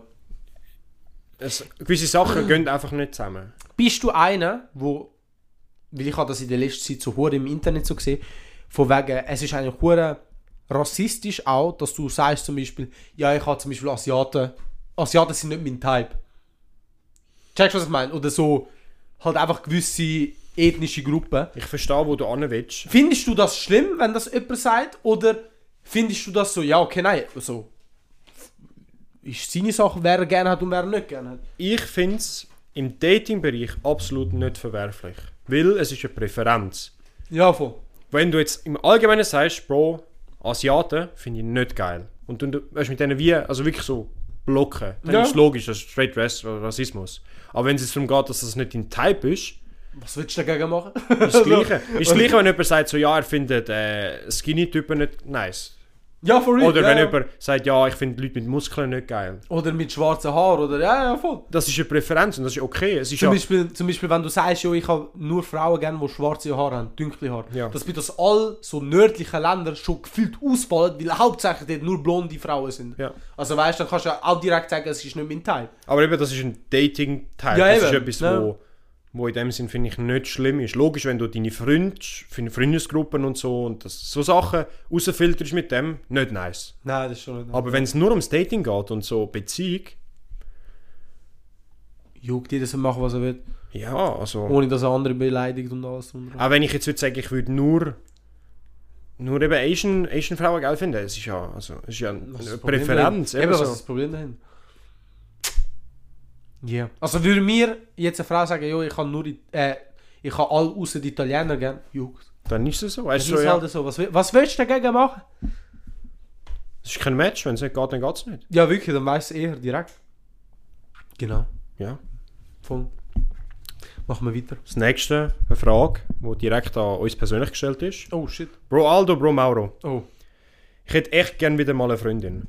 Aber ich bin low-key schüch und sprich nie Frauen an. Habt ihr einen Tipp, wie man Frauen anspricht? Geht in dem Sinne auf die Frage zurück. Liebe Grüße, äh, euer Lieblingshörer und seit dem Anfang an dabei. Geiler Sieg. Ja, wir haben es vorher schon angesprochen, bei der anderen Frage, was darum gegangen ist, eben so, wie man Frauen anspricht. Äh, Du musst halt eben, wenn du sagst, du bist schüch Dann musst du und dich sprich nie. Frauen an, dann, dann musst du dich überwinden, no dog. Du hast deine Frage gerade selber beantwortet. Wenn du nicht jemanden ansprichst, kommt nichts dazu. Und ich glaube, was auch wichtig ist, dass du aus äh, Rejection lernst. Ja. ja In dem Sinn, dass, es, dass du lernst, damit umzugehen. Wenn du jetzt einfach einmal eine ansprichst und sie sagt, nein, du bist nicht mein Typ, so, was willst du von mir? Und dich das so lang fickt, dann, dann das ist nicht gut. Das ist Ja. sehr, sehr ungesund. Darum, äh, Ja. eben, wie wir schon gesagt haben, eben, entweder im Freundeskreis mal umschauen oder halt eben fucking Dating-Apps brauchen. Bro, wie, es ist so ich glaube, einfach. Dating-Apps sind heutzutage das Beste, was du kannst machen Es ist so einfach, zum suchst. neue Leute kennenlernen. Aber es gibt ja, Bro, es gibt ja nur so Apps äh, zum Freundschaften gründen. Aber logisch, wenn du jetzt jemanden suchst, etwas Fixes oder eine Freundschaft, Bro, Dating-Apps, es ist einfach, zum, sehr simpel, viele Leute kennenlernen. Ja. Also, was willst du anders sagen, wenn du eben sagst, du sprichst niemand Ausser an? eben, wenn du so der Club-Typ bist, hey, dann gang in Clubs, aber eben dort ist Bro, so er, er, hat gesagt, 50-50 er hat gesagt, er sei schüch. Das, Eben, das, das ist das und Ding. Club... Es ist ja, glaube ich, weird, wenn du eben mit Kollegen die ganze Zeit gehst und nachher dich musst wie trennen und dann hast du, glaube noch mehr Druck von innen. Anstatt wenn du, blöd gesagt, von dem Bett heim am Handy kannst mit Leuten kommunizieren Also so. wenn, wenn einer nur die Heid chillt und sich wundert, warum er keine Freundin hat, dann ist das das Problem. Ja, Also dann ist Absolut. wirklich das Problem. absolut. Weil am besten, die besten Beziehungen fangen immer noch an, wenn du sie in Person triffst. Oder so, Ja, also, logisch. logisch, Dating-Apps und so sind gut, weißt du. Ja. Aber wenn du jemanden so genuine, direkt triffst, so kann ich jetzt in einer Bar oder so, weißt Ist ja meistens einfacher. du. Ist einfacher Weil eben du wirst eigentlich blöd gesagt einander vorgestellt. und du weißt direkt, wer er ist. Ja, Oder sie. ja. Das ist ja so. Instant. Darum, ich finde es auch, wenn man so Dating-Apps braucht, Bro, ich würde niemals zwei, drei Wochen mit jemandem schreiben.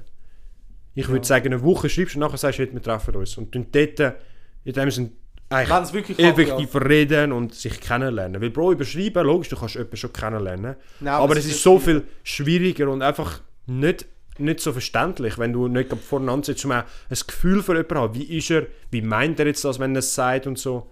Nein, Drum, das sind, ja, ja. Auch nicht eben so dating-mäßig nicht zu lang so eben an Personen hängen, sondern wirklich eher schnell eben die Leute Ja, einmal ja, sehen, spüren, wie sind die drauf, mal etwas treffen, unternehmen. Und so kommt man, glaube ich, ein bisschen aus der Comfortzone raus, wenn man eben sagt, man hat zwei, drei von denen, wenn man mal eben so nach einer Woche schreibt, auf ein Date geht, auch wenn es nicht daraus wird, das sind Erfahrungen, die du hast. Ja, ja, voll. Wie gehe ja, ich mit Leuten um? Ja. Wie, wie, wie verhalten man sich und so. Und Genau. davon lernt man, glaube ich, viel, viel besser, Mhm. als länger mit vielen schreiben. Ja. Nein, bin ich voll deiner Meinung. Komplett. Ja. So sehe ich es. Unsere Meinung. Dazu, jetzt weiter mache ich noch einen. Eine Beichte. Oh, der ist, der ist heavy. Der ist bitter. Oh. Ich bin kurz vor einer Beziehung, aber denke noch an meine Ex. An meine Ex, also ist ein Typ. Ja. Sorry. Also. Bro. Es ist, glaube nicht, Bro. es ist, glaub, nicht Zeit, um jetzt in eine Beziehung zu gehen. Weil, ich sehe es so, wenn jetzt die andere Person genuine etwas für dich empfindet, ist scheiße für sie. ja, weil du wirst sie so oder so enttäuschen. Ich denke es mal so für mich, wenn du eifersüchtig bist in einer Beziehung Ja. oder du hast Probleme mit deinem Partner, äh, mit dem Ex oder wer weiß was, dann hat dein jetziger Partner nichts damit zu tun. Nein. Und es ist auch nicht seine Aufgabe, es zu lösen oder irgendetwas daran machen. Es ist deine Aufgabe und wenn du das nicht lösen kannst, verdient dich dein Partner nicht. Ja. Finde ich jetzt persönlich. Finde ich recht. Finde ich recht, wirklich. Also, Weil es, äh, äh, die andere Person kann nichts dafür. Und Ja. vor allem, wenn du schon so reingehst, eben, der Typ ist jetzt, wenn er sagt, er, er ist knapp an einer Freundin dran, dann sind die schon in der Talking Station und das Ganze. ja genau. dann würde ich jetzt eher wirklich als, ich sage, als dass es nicht so ein, hässliches Blutbad gibt, das frühzeitig ihnen so überbringen, dass das Ja, auch ehrlich sein und sagen so, Bro, es liegt nicht an dir, sondern an mir. ja, Bro, so, so cringe wie es tönt, aber dann erklären, weißt du, so, warum, sondern eben, dass du noch hängst an Ja, in der ja. Ex und so, weil es ist für die andere Person, wenn du jetzt die Rolle würdest wechseln Boah, ja, ja. wenn musst du jetzt mit so einer denken. die ganze am Schreiben bist und die gemerkt so, es kommt fast zusammen und so und nachher sind die zusammen und hat so, ja, ja, ich bin noch mit dem Ex hängen und so. Und das ist ja Barrikade, Bro. Wenn du das vorher wirklich klar sagst und definierst, auch wenn es vielleicht schwieriger ist, so etwas zu sagen, Mhm. weil sich so offenbaren, ich sage jetzt mal, ist es, ich glaube auch die andere Person einiges verständnisvoller für so etwas. Ja, ja, nein. Ja. Logisch, je nachdem wie alt das er sind. Bro, wenn er 16 Oh, sind, wenn er dann 16 ist sind das Spielt mit Lego. Bro, Spielt doch einfach mit fucking Lego. also, ja, das ist kein Alter dabei, gell? Nein, nein. Ja, shit. Also ich hätte jetzt gesagt, wenn so, ja, je nach, Bro, wenn ab wie, es kommt 18 sehr, es kommt sehr darauf an, wie reif das du bist, würde ich sagen. Ja, auf jeden Fall. Ich würde sagen, aber 18 kannst du etwas gut bringen. Unter 18, Bro, dann, äh, dann sie schon einfach und... ja, was willst du machen? Ja, ja. Keine Ahnung. Die Dating-Szene ist schon recht Bro, vor allem bei den Jungen ist wirklich ist kritisch. schlimm, schlimm, wirklich schlimm. Äh, wer ist dran? Äh, ich? Bro. Die dritte, wo in die Richtung geht. Frage. Ich, männlich 18, bin noch nie in einer Beziehung gewesen. Uff. Jeder Versuch, in eine Beziehung zu kommen, hat mich in die Friendzone gesendet. Langsam ist es echt hoffnungslos und ich wollte von euch Ratschläge wissen zur Dating-Szene. Das Ja. Einzige, was da wirklich neu ist, Friendzone. Ich sage ehrlich, Bro, Friendzone bist du selber schuld. so fucking hart es tönt, aber wenn du es klar definierst, was du willst, Und das recht früh. Dann passiert so etwas nicht. Das stimmt. Ja. Ja, Sage ich jetzt gerade so. ja. Ja, ja. Drum, äh, Oh Mann, Alter, das, das tut mir so leid. Wirklich. es ist wirklich, es Es tut mir ist auch leid, weil, Bro, die, die, die, die, Schau, aber das Ding ist, in mindestens die Art, probiert es. Bro, in der, in, der, in der Situation sind wir doch, glaube viel schon mal gewesen. Auf jeden Fall. Und äh, es ist wirklich mühsam, aber du musst. Das einzige Richtige ist jetzt einfach klar. Also, ey, Bro, also da ist jetzt eh schon zu spät, wenn du sagst, du bist schon in der Friendzone gelandet. Dann würde ich das aber mehrere Mal. Ist nicht so, dass es schon mehrere Mal. Also ja, weißt ja. hm. Ja, es ist halt einfach jeder Versuch. Ich weiß nicht, ob das mehrere Jeder. Versuch doch, dann sind es schon mehr so. Da musst du auch wirklich effektiv, auch jetzt, Bro, auch mit denen nichts mehr zu tun haben, sondern einfach sagen so, hey, Ja, for real, weil wenn du wirklich noch etwas von denen suchst. Nein. Das ist eben genau das Problem mit diesen Dating-Apps und allgemein mit der weiblichen Validation, die die wollen. Blöd gesagt bist du so wie ein Hund. wo einfach da ist, wo, wo sie ab und zu will einen Hund streicheln, aber sie will sich nicht verpflichten, die Heimat zu haben. sich Katz. Drum, Bro, du musst äh, straight, ja, es klingt so hart, aber halt wirklich deine, deine Boundaries zeigen. Was willst du und was willst du nicht? Und Ding ist- auch wirklich nachher sagen, so, hey, ich sehe jetzt den Sinn von dem Ganzen nicht. Logisch, du bist eine gute Kollegin, aber äh, es funktioniert nicht. Ich persönlich, also auch aus eigener Erfahrung, wenn du zu nett bist, bringt es nicht. Finde ich. Ja, Wenn du zu nett tust und zu, ja, ich würde wirklich so eine Beziehung, die, also weißt nein, Bro, der, der, Bro. Nein, nein, ich meine, ich meine, nein, das habe ich jetzt falsch formuliert. das habe ich schon falsch. Aber ich meine so, im Sinne von wegen so, dass du wirklich Monate, la- Monate lang an ihr rumhängst und alles und alles, was sie machst und so und nicht klare Sachen sagst, dann bringt es nichts. Nein. Dann wird es nie etwas. Nie. Drum äh, eben schnell das Treffen haben und dann wirklich sagen, eben so, ja, das, das will ich. Und dann wirklich darüber reden, weil, Bro, ich kann mir vorstellen, es gibt sicher auch Frauen, die das gar nicht checken, dass der wie so auf sie will hitten, weil er halt so lieb ist. Bro.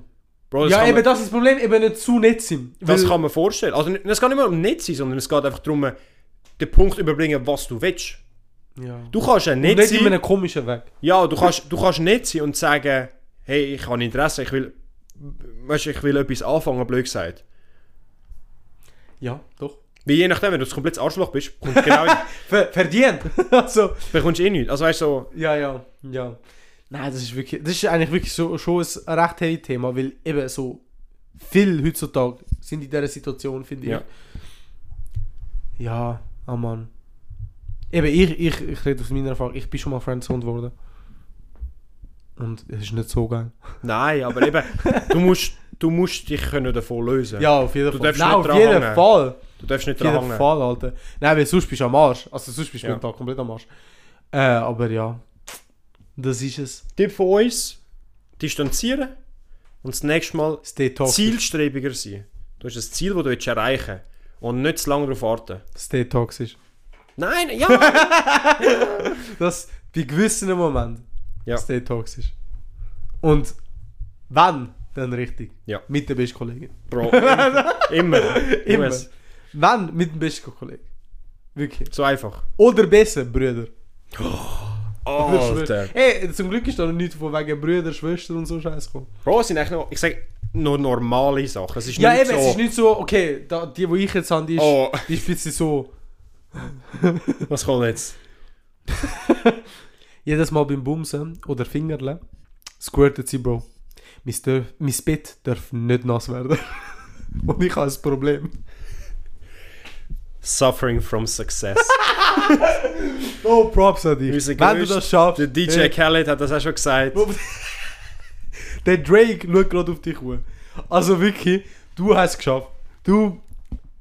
Ich kann dir mal was sagen. Hey Bro, verdient hast du ein nasses Bett. Du kannst sagen, wegen mir. ja, was willst du machen? Was willst du machen? Ja, wirklich. Aber ich fühle es. Danke, dass du das geschrieben hast. Ja, der Struggle, denke ich mal, haben recht wenige. ja. Wow. ja, I don't know, weißt du, also... Ich finde es einfach lustig, wie es einfach so 180 flippt. Wenn so die, die so voll deep. Und kein dann- Game haben und nachher einfach der Brüder, der einfach zu viel hat und einfach nicht damit kann umgehen kann. Ich finde es That's a lustig. you problem. Ja. Hey, aber wenn es läuft, weißt du, ab- es, es, das, was mich eher aufregt, du weißt ja, dass es jedes Mal ist. Decke? Nimmst du ein Tuch, eine Decke? Ich hätte schon gedacht, du meinst so also Plastikplanen, wo man, so, wo man so zum Zeichnen oder so braucht. Ich hätte gedacht, das wäre ein bisschen unromantisch. Hey, warte mal kurz, dann das aus, ganze sie Bett. zieht sich aus und so, nein, nein. Zuerst alles wegnehmen, zuerst das Plastik drüber tun. Nachher wieder drauf, wieder drauf hörst du... So absolut unromantisch, aber halt praktisch, weißt du? das ist- Praktisch. Oder... Ja, Bro, nein, wirklich. Also einen Tipp gibt's Händchen. wirklich nicht? Nimm... Oder Bro, brauch einfach nicht das Bett. Ja, aber dann ist etwas anderes noch. Aber ich sage, ein Boden ist glaub, einfacher zum Trocknen True. als ein fucking True, das stimmt. als ein Bett, das Das es halt stimmt. aufsaugt. Oder du benutzt Händchen und so sucht es instant. Ich Du musst einfach ein Tüchli ready haben. Wenn die Wand kommt, einfach gerade zack anheben. Oi, mein Gott, Alter. Ey, wir sind da die Besten. Äh, einfach so, dass ihr wisst, äh, wir meinen da Spaß. Logisch. Aber, es ist ein bisschen warm da drinnen. Es ist- schon sie. aber ja, hey, wirklich, heavy shit. Es tut mir leid, dass du so Success hast. Mein Beileid, aber ich gönn's dir, aber wiederum auch nicht. so. Ich glaube, damit musst du dich leider abfinden. du, du hast aber jetzt immer etwas zum Showen, finde ich. Nicht? Fair. Fair, Also, bei gewissem Maß schon. Kommt an, was für Kollegen du hast. Das Wie ist viel ja hast so. du noch eigentlich? Äh, zwei. Hast du noch einen? Hast du keinen mehr? Nein, ich habe keinen. Gut, dann gebe ich dir da. ich habe jetzt auch noch einen kurzen. Der ist wirklich extrem kurz, wo ich habe. Ja, ich glaube beide in die Richtung. Frage. Was ist eure, eure Meinung zu 3 Plus Beziehungen? Oh shit! Also ich vermute, das wird so Einfach mäßig mit gehen. Beziehungen mit mehreren Menschen. Ja, Was, was? Wir haben ja schon mal drüber geredet. so offene Beziehung mäßig, ja. Nein, nein, nein, eben nicht offene Beziehung. Offene Beziehung ist das nicht. Ah, es ist, sondern einfach es wirklich, ist wirklich drei Beziehung Fixe. mit drei Fixi oder eben mehr. Polygon oder wie das so heißt, ich bin mir nicht sicher. Polygam, Polygam, Ich weiß es nicht. Ja. Bop, bop, bop, bop, bop. ähm, kann ich da noch einen? Ah doch, ich kann... Was? Doch, ich kann noch einen. Ist Schon? ja, Ah, easy, okay. einen. Ähm, ja, das dritte Beziehung. Ich denke, eine Herausforderung. Ich finde es schon mal besser, muss ich sagen, als eine offene Beziehung. Hey, du müsstest zwei Decken ready haben. Oh, Bur. Legende. Ich sag dir's. Ja, ja. Äh, spannend. ich will ich gebe jetzt mal die Frage weiter. Bei dir. Hey, ich sag dir, ich Wärst du- nicht. Oder, Die andere Frage ist, das, wo ich jetzt. Ich, es geht in die Richtung aus. Ähm, mit einer Person weiblich oder männlich? nein, weiblich. Ich Schon? könnte nicht. Nein, ich könnte es nicht mit männlich. Und ich glaube, fast alle Männer sagen es gleich und alle Frauen würden sagen, nein, nur mal ein Mann. Weil ich könnte es mir nicht vorstellen mit nur mal einem Typ. Auf jeden Fall nicht. Auf jeden Fall nicht. Das wär, äh, äh. Mhm. Nicht, weil ich etwas dagegen habe, aber es ist... Es, mm. Mm, mm. Aber ich Die andere Frage ist. ich bin jetzt schon weit Eins denken. oder zwei Dicker? Nein, Oder ein groß? es geht jetzt mehr darum, ist das. Ich sage jetzt 2 auf 1 oder ist das Free for all? Wenn es das alle gegen alle ist, dann finde ich es okay. Weißt du, dann Also wie meinst du alle gegen musst? ja, geht es darum, eben, dass wir eigentlich ein Pärchen, eben, zum Beispiel du und deine Freundin, würden Ja. das jetzt machen. Und dann würde er jetzt eine dritte Person reinholen. Ja. Geht das mehr darum, dass, blöd gesagt, du beide darfst haben? Also, Bro, wieder. Ah! Oder darf dann, blöd gesagt, jeder mit jedem? Das ist eine gute Frage. Will, boah, ich muss jetzt überlegen, was ich sage. Will, ich würde glaube sagen, Schau, das Problem bei mir ist, ich bin anders eifersüchtig. Also Ja, nein, okay. nein, das ist übertrieben, das ist übertrieben. Ich bin, also ich bin nicht also eifersüchtig, aber ich glaube, bei so einem Moment würde ich eifersüchtig werden. Und dann hätte ich das Problem. Ja. Logischerweise. logisch. Weil ich habe das Gefühl, für, zum das zu haben, kannst du nicht einen grossen Band mit deinem Partner haben. Du musst so wie einen kleineren Band haben, damit du das zulassen kannst. Halbwegs. Nicht? Doch. Weil, das, was ich sehe, es geht um eine Beziehung. Das finde ich eben der ausschlagende Punkt. Ja, eben, es ist nicht einfach nur schon. Genau, ich, Nachher- ich würde es eher verstehen, wenn du sagst, du hast einen fixen Partner. Aber wenn du jetzt zum Beispiel eine, Präferenz oder Vorliebe hast, wo dein Partner absolut nicht kann dahinter stehen kann, dass du blöd sagst, du hast eine fixe andere Person, wo du ich sag, die und die Vorliebe kannst ausleben dann sehe ich so etwas anderes. Oh nein, ich könnte das auch nicht. Okay, ich ja. würde das sogar schlimmer finden. Schon? Ja, ich könnte das schlimmer finden. Ähm, weil wenn du mit jemandem im, im Bett bist, also das dritte oder mehr, Ja. kannst du sagen, okay, ja, du bist immer noch auch wegen mir da. Aber wenn du sagst, okay, du gehst weg, weil ich dir das nicht erfüllen kann, finde ich das heavier. Checkst du, was ich meine? Okay, ja, jetzt wo du es so sagst, macht es schon ein ich bisschen mehr Sinn. ich Ja. find- Ich finde das eigentlich schlimmer, wenn, Ja, wenn, ja. wenn deine Freundin zu dir würde kommen und sagen, jo, du befriedigst mich nicht in dem Weg, wie ich es will, darum gehe ich jemand anders bumsen und du bist einverstanden mit dem. Doch, okay. Also das würde Doch, ich wenn du es so sagst, ja, doch, macht schon Sinn. Doch, doch, doch. Ja, ich, ich habe es jetzt ein bisschen anders im Kopf gehabt, aber ja, macht Sinn. Also ich check schon Ja. den Punkt, wo du me- meinst, weil es gibt auch viele, die das haben, auch nicht Ja. gemeint. Aber ich, ich persönlich könnte das nicht. Ja. Nur schon wegen dem Gedanken. Ich glaube, ich könnte es auch nicht. Wenn einer einen Fußfetisch würde haben, ich würde sagen, hey, ich mache Augen zu und machst. Easy. Äh, Easy. also ich glaube, eine Dreierbeziehung... Ich würde sagen... Würdest, private Frage. Ja. Ein Dreier würdest du wollen probieren oder was würdest du eher probieren, sagen wir so? Ein Dreier oder eine Dreierbeziehung? Ein Dreier würde ich glaube eher probieren als eine Dreierbeziehung. Ich glaube eher bei mir sogar eine Dreierbeziehung. Am Anfang. Schon? Mit dem kommt ja nachher auch ein Dreier. Nicht. Strategisch will beides. Nein, ja. Es ist wirklich Ja. schwierig. Es ist eine schwierige Frage. es ist wirklich eine schwierige Frage, weil Weil Menschen, ich- es gibt 100 pro Menschen, die komplett offen zu dem sind. Also ich würde sagen, es ist wie bei eben so, können Mann und Frau eine Freundschaft haben. Ich denke, bei dem grössten Teil würde es nicht nicht, funktionieren. Aber ich glaube, es gibt so die 2-3 Prozent, wo das Wo es glaub, schaffen, so, ja, ja. ich sage blöd gesagt, ideal funktioniert. Ja, ja. Wo sie mit niemandem etwas ganz, ganz Festes wollen, aber trotzdem ihren Spaß haben und so. Und Nähe bekommen. Ja. Ja. Wir sind halt so die romantischen, wir, wir wollen so One-on-One. Nein, ich glaube eher ah, klassisch, würde ich eher sagen, weil ich sage, Ja, doch, doch. Bro, ich fände es richtig stressig, wenn du mit, wirklich mit, also eine Dreierbeziehung hättest. Weißt du, wie stressig wäre das? Ja, ja, doch, doch. Doch, Also ich sehe es nur schon bei eben Kollegen und dem Ganzen, die eine Freundin haben. Boah, wie stressig schlimm. das, das kann sein. Logisch auch nicht immer, aber jetzt stell dir vor, zwei. das ist ein Job. Ja. Nein, aber ich, ich check nicht, wie du nicht eifersüchtig könntest werden. Das check ich nicht, wirklich. Ich könnte ich es mir Mhm. nicht vorstellen. Ich glaube, wenn alle etwas davon haben, dann ist es wieder etwas anderes. Jeder müsste im gleichen Mindset sein. Jeder. Du kannst nicht Ja. einen haben, der ein bisschen anders denkt. Nein, das geht nicht. Oder ein bisschen mehr würde wollen. Das Nein. geht nicht. Du musst alle haben, die genau Ja. gleich sind und gleich denken. Und ich glaube, das ist schwierig. Das ist wirklich schwierig. Ja. Ja. Hey, Wow, So ist es. crazy. Crazy. jetzt die letzte. Zweitletzte, ich kann ja noch Zweitletzte eine. Ist äh, auch wieder eine persönliche Frage. Wie läuft es mit Frauen?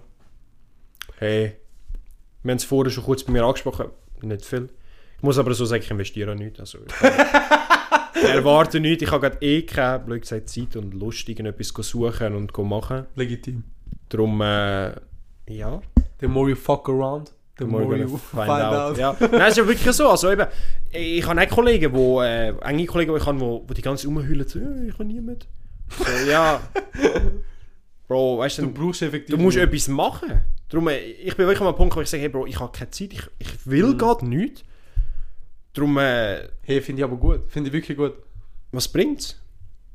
Effektiv nicht. Stress. Ja, es, ist wirklich, es läuft gerade so gut, ich kann, ich kann mich wirklich nicht beklagen. Ja, nein, dann ist perfekt. Nein, wirklich. Bei Und dir, mir, die ich habe halt- Freundin. also. Der Bruder schlägt in.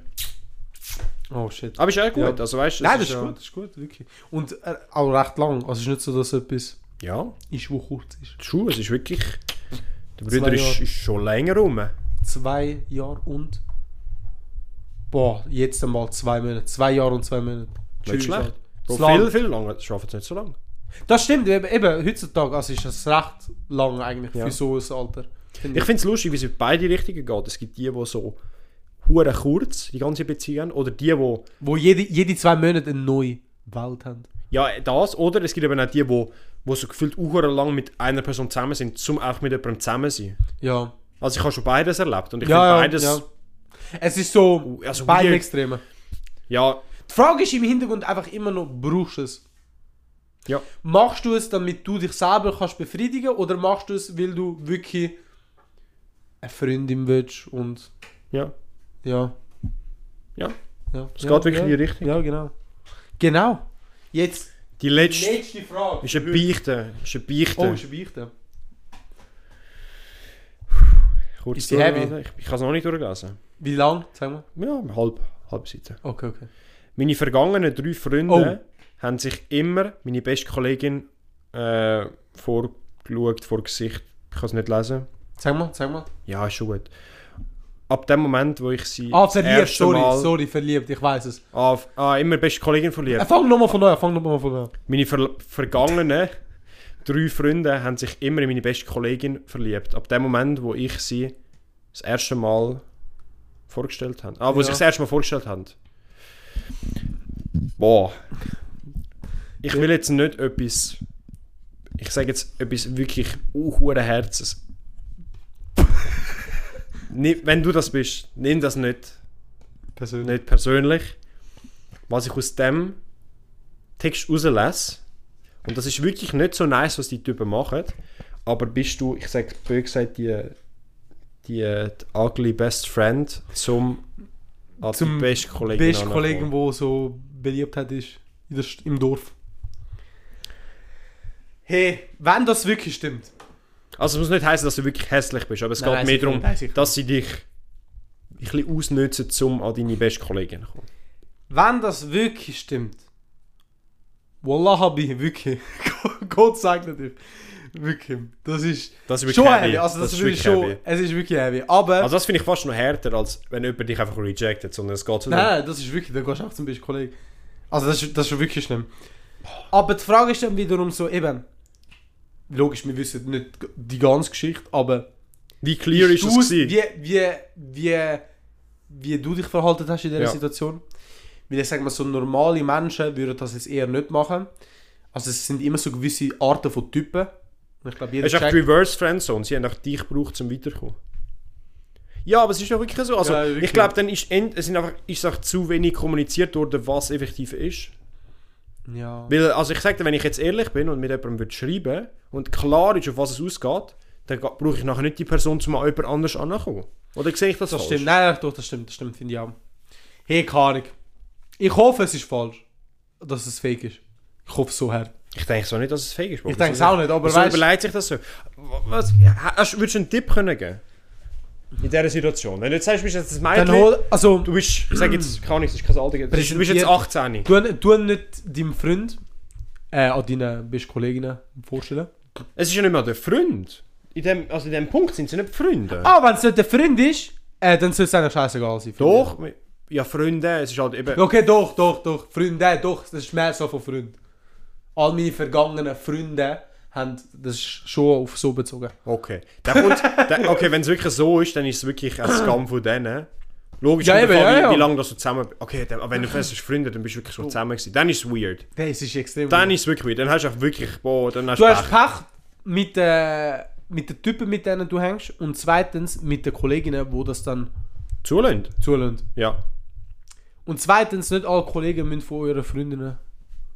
Also so beste Kollegen mit Freundinnen sind. Nein, Weil logisch. ich kenne viele, die so, so heavy, so beste Kollegen mit Freundinnen von anderen Kollegen sind.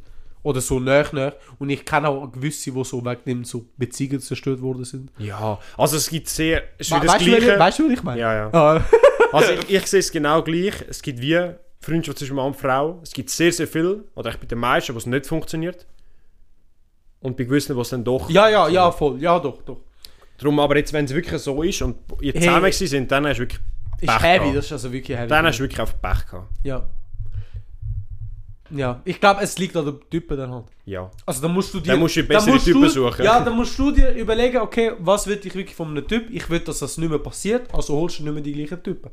Ja, vor allem wenn jetzt drei Oder du verliebst dich in, in seinen besten Kollegen. Stay toxisch.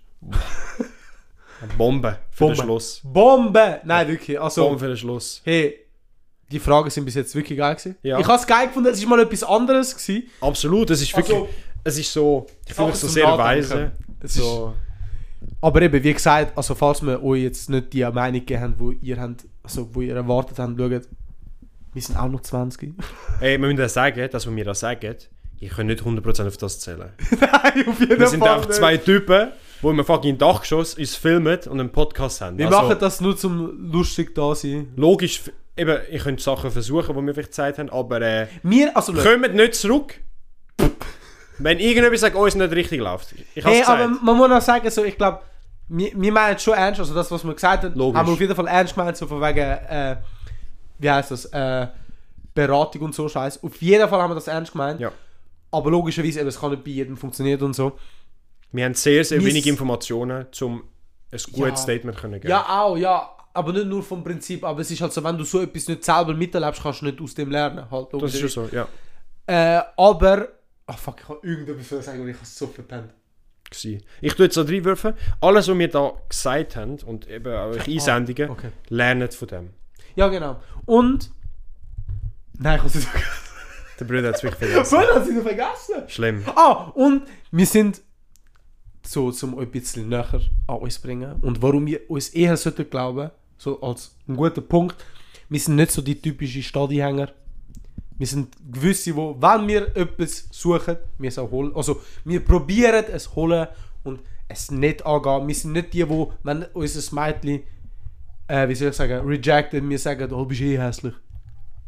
Nein. Also, checkst ja, ich kann mir checken, ich, auf welcher Basis ich weiss, wo du willst angehen. Also wir sind nicht die Typen, wo euch einfach sagen, ja, geh Trials, go klären, dies, das. Also auf jeden Fall Nein, wir haben nicht. eher, ich sage, ein bisschen einen humaneren Ansatz. Ja, wir haben normal ein bisschen, bisschen reiferen, Ja. bisschen, aber so auf unserem, auf unserem unserem Level. Aber eben, jeder muss schauen, selber wissen, was er will. Wenn es nicht klappt, klappt es nicht. Ich hoffe, ihr habt einen schönen Valentinstag gehabt, weil ähm, es ist ja schon bald eine Woche Vorbei. rum. Ja. Äh, ja, mal schauen. Ja, Ich finde es ist wirklich eine lustige Folge. Gewesen. ist eine spezielle Folge gewesen. Falls sie euch gefallen hat, hey, könnt ihr euch ruhig noch schreiben. Falls ihr noch mehr Story hättet, wo ihr vielleicht jetzt nicht uns geschrieben habt, Mhm. aber ihr trotzdem noch würdet uns wollen erzählen, hey, schreibt uns per DM. Können Erzählt eure Story. Je nachdem können wir es auch einbinden. Eben. Ja, voll, vielleicht, wenn noch etwas kommt in der nächsten Folge. äh, Natürlich, auch wenn ihr uns wieder in die DM schreiben, absolut anonym. Wenn Wir können Fragen auch habt. schauen, vielleicht Ja. behalten wir den Link einfach mal noch ein bisschen offen Ja, mal schauen. und schauen, falls ihr lieber so etwas noch wollt, hinzufügen dass ihr es immer noch so könnt schicken Schreibt uns, was, was für euch am besten wäre. Ja. Äh, weil äh, sonst, ja, das wäre es eigentlich gewesen. Mhm. Das ist unser Valentinstag-Special. Ja. Wirklich. Zukünftige Specials. Es kommt ein bisschen etwas, vielleicht so in zwei Folgen. Kommt ein Mal etwas, Kleines. etwas anderes. Etwas anderes, Etwas anderes, nicht etwas Wenn extrem bisschen etwas, krasses. etwas teasen, etwas sagen, oder sagen wir noch gar nichts? Sagen wir, sag. Oh. Du kannst schon etwas sagen. Du, du kannst sagen, weil es geht hauptsächlich um den Mauro. Boah, jetzt habe ich so die Pressure. Ja, doch, was was soll ich denn jetzt sagen, weißt du? Sag. Wait, jetzt müssen wir, das müssen wir so ein Wortspiel machen. Es geht um eine Stadt. Sagen wir es so. Mhm. Jetzt müsst ihr die Stadt erraten. Wir sagen, wir sind, wir sind international unterwegs. Mauro ist Mauro, international Mauro ist- unterwegs. Ist international unterwegs. Äh, aber eben, das ist erst in zwei Wochen. mal sind schauen. gespannt. Sind gespannt. Ein bisschen anderes Setup, ein ein anderes Format For vielleicht. ja, for real. Mal schauen. Später, ich sag mal so, die Zeit zwischen März und Juli, Juni rum, ich glaube, werden viel speziellere Sachen kommen. Auf jeden Fall. Mhm. Ja. Das vers- verspreche ich euch. Wirklich. Versprechen wir euch. Aber nein, also ich bin, ich bin gehypt. Äh, danke, dass ihr bis jetzt zugelassen habt. Ja. Äh, folgt uns auf Insta, YouTube, TikTok, TikTok, überall. Und überall. Wirklich, bewertet uns. Wirklich, wenn ihr die Folge bis jetzt gelost habt und sie wirklich geil gefunden habt und mehr von dem futzdummen Podcast wollt hören, hey, bewertet uns. Hey, auch wenn es nur ein Stern ist und ihr es scheiße gefunden habt, ist Cap, weil ihr habt bis jetzt gelost. Ja, ist ein bisschen komisch. Ist komplett Cap. aber, aber Bro, okay. danke, danke für den Klick. Gibt uns auch schon Geld, das langt uns. Ja, mega Geld. Nein, aber ich würde sagen, Ja, Wir bedanken uns fürs Zuhören. Danke vielmals. Wir wünschen euch einen ganz schönen Morgen, Mittag oder Abend. Schönen Arbeitsweg, Arbeitstag. Egal, was ihr gerade macht. Danke vielmals. Ciao, macht's gut. Ciao.